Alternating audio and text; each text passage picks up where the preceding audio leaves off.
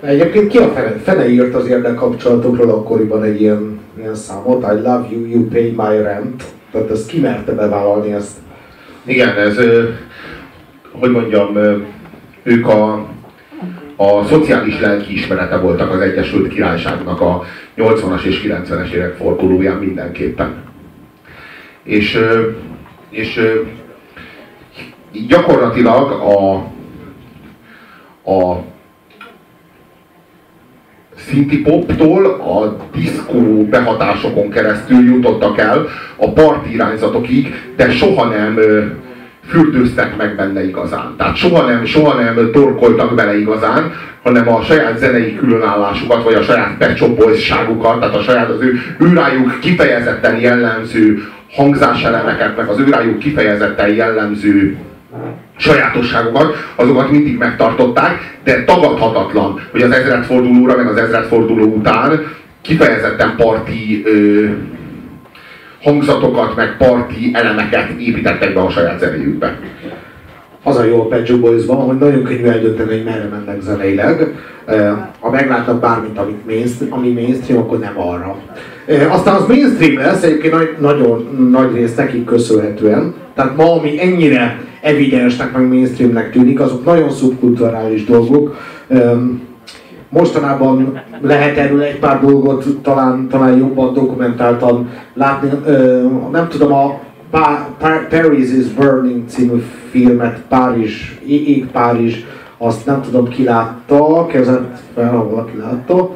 Na mindegy, az a New Yorki rettenetesen szegény meleg közösségeknek volt egy a, a filmje, amiben ezek a rettenetesen elképesztő nyomorban élő közösségek rendeztek ilyen, ilyen felvonulás, ilyen kifutókat.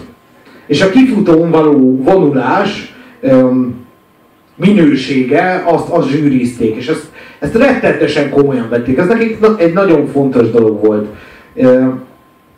Egyébként később ez óriási őrület lett, Madonna, meg nagyon-nagyon sokan karolták föl ezt a dolgot, vagy vettek ebben részt, de akkor egy rettenetesen szubkulturális dolog volt. Tehát tényleg 3-4 ezer ember, emberen kívül senki nem tudott erről. És az a zene, ami akkor a kifutók zenén ment, az ma a Star DJ-ket ihleti. Ezt hívják ballroomnak, ami bálterem zenét jelent, ami többek között ezeket, ezeket az elektrókat jelenti, amik, amik akkor szóltak ezekre az eseményekre. Ami, ami most fog jönni klip, az megint egy végtelenül nagyon kevesek által ismert szubkultúrának lesz a lenyomata. Tehát mondom, nagyon könnyű eltalálni a Pet ő sosem a mainstreamre, mindig valami olyan elképesztő szubkultúra felé mozog, amit sen, nagyon kevesen ismernek. Na ez is valami kibaszott zseniális lesz, amit most láttok. És a lényeges, a lényeges bennük az, hogy ők valahogy mindig megteremtik és gazdagítják a mainstreamet valamivel, ami sajátosan ők, és amikor abban a pillanatban, amikor beemelik, még nem mainstream, de onnantól már, már gyakorlatilag azzá tették pusztán, pusztán azzal, hogy Pet Shop Boys. Mert a Pet Shop Boys az egy popzenekar. Ezt tudjuk, ezt, ezt ők is tudják, ők maguk a popzenekar. Viszont ahonnan merítenek, az sokszor nagyon nem a pop. Most ami meg az ellenkezője ennek az én szememben, a rossz példa, az meg Lady Gaga. De a Lady Gaga az meg az, aki meg mindenféle altert úgy emel be a mainstreambe, hogy kiüresíti, tehát mindent, ami ehető belőle, azt megza, kizabálja belőle, és kiszarja, és az ehetetlen héját meg oda bassza eléd, ami egy merő külsőség, hogy itt van egyed.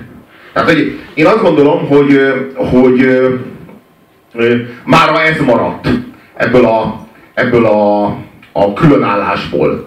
Ugye a különállásnak ez az, ez az álságos, képmutató, végtelenül hipokrita ö, ö, arca, ami Lady Gaga, ez maradt, ez, ez pár évtizeddel ezelőtt még a Pet Shop Boys-ot jelentette, és nem akárhogyan. Tehát, hogy következzék az Eszetlen vagy királyság, a Palinero című szám.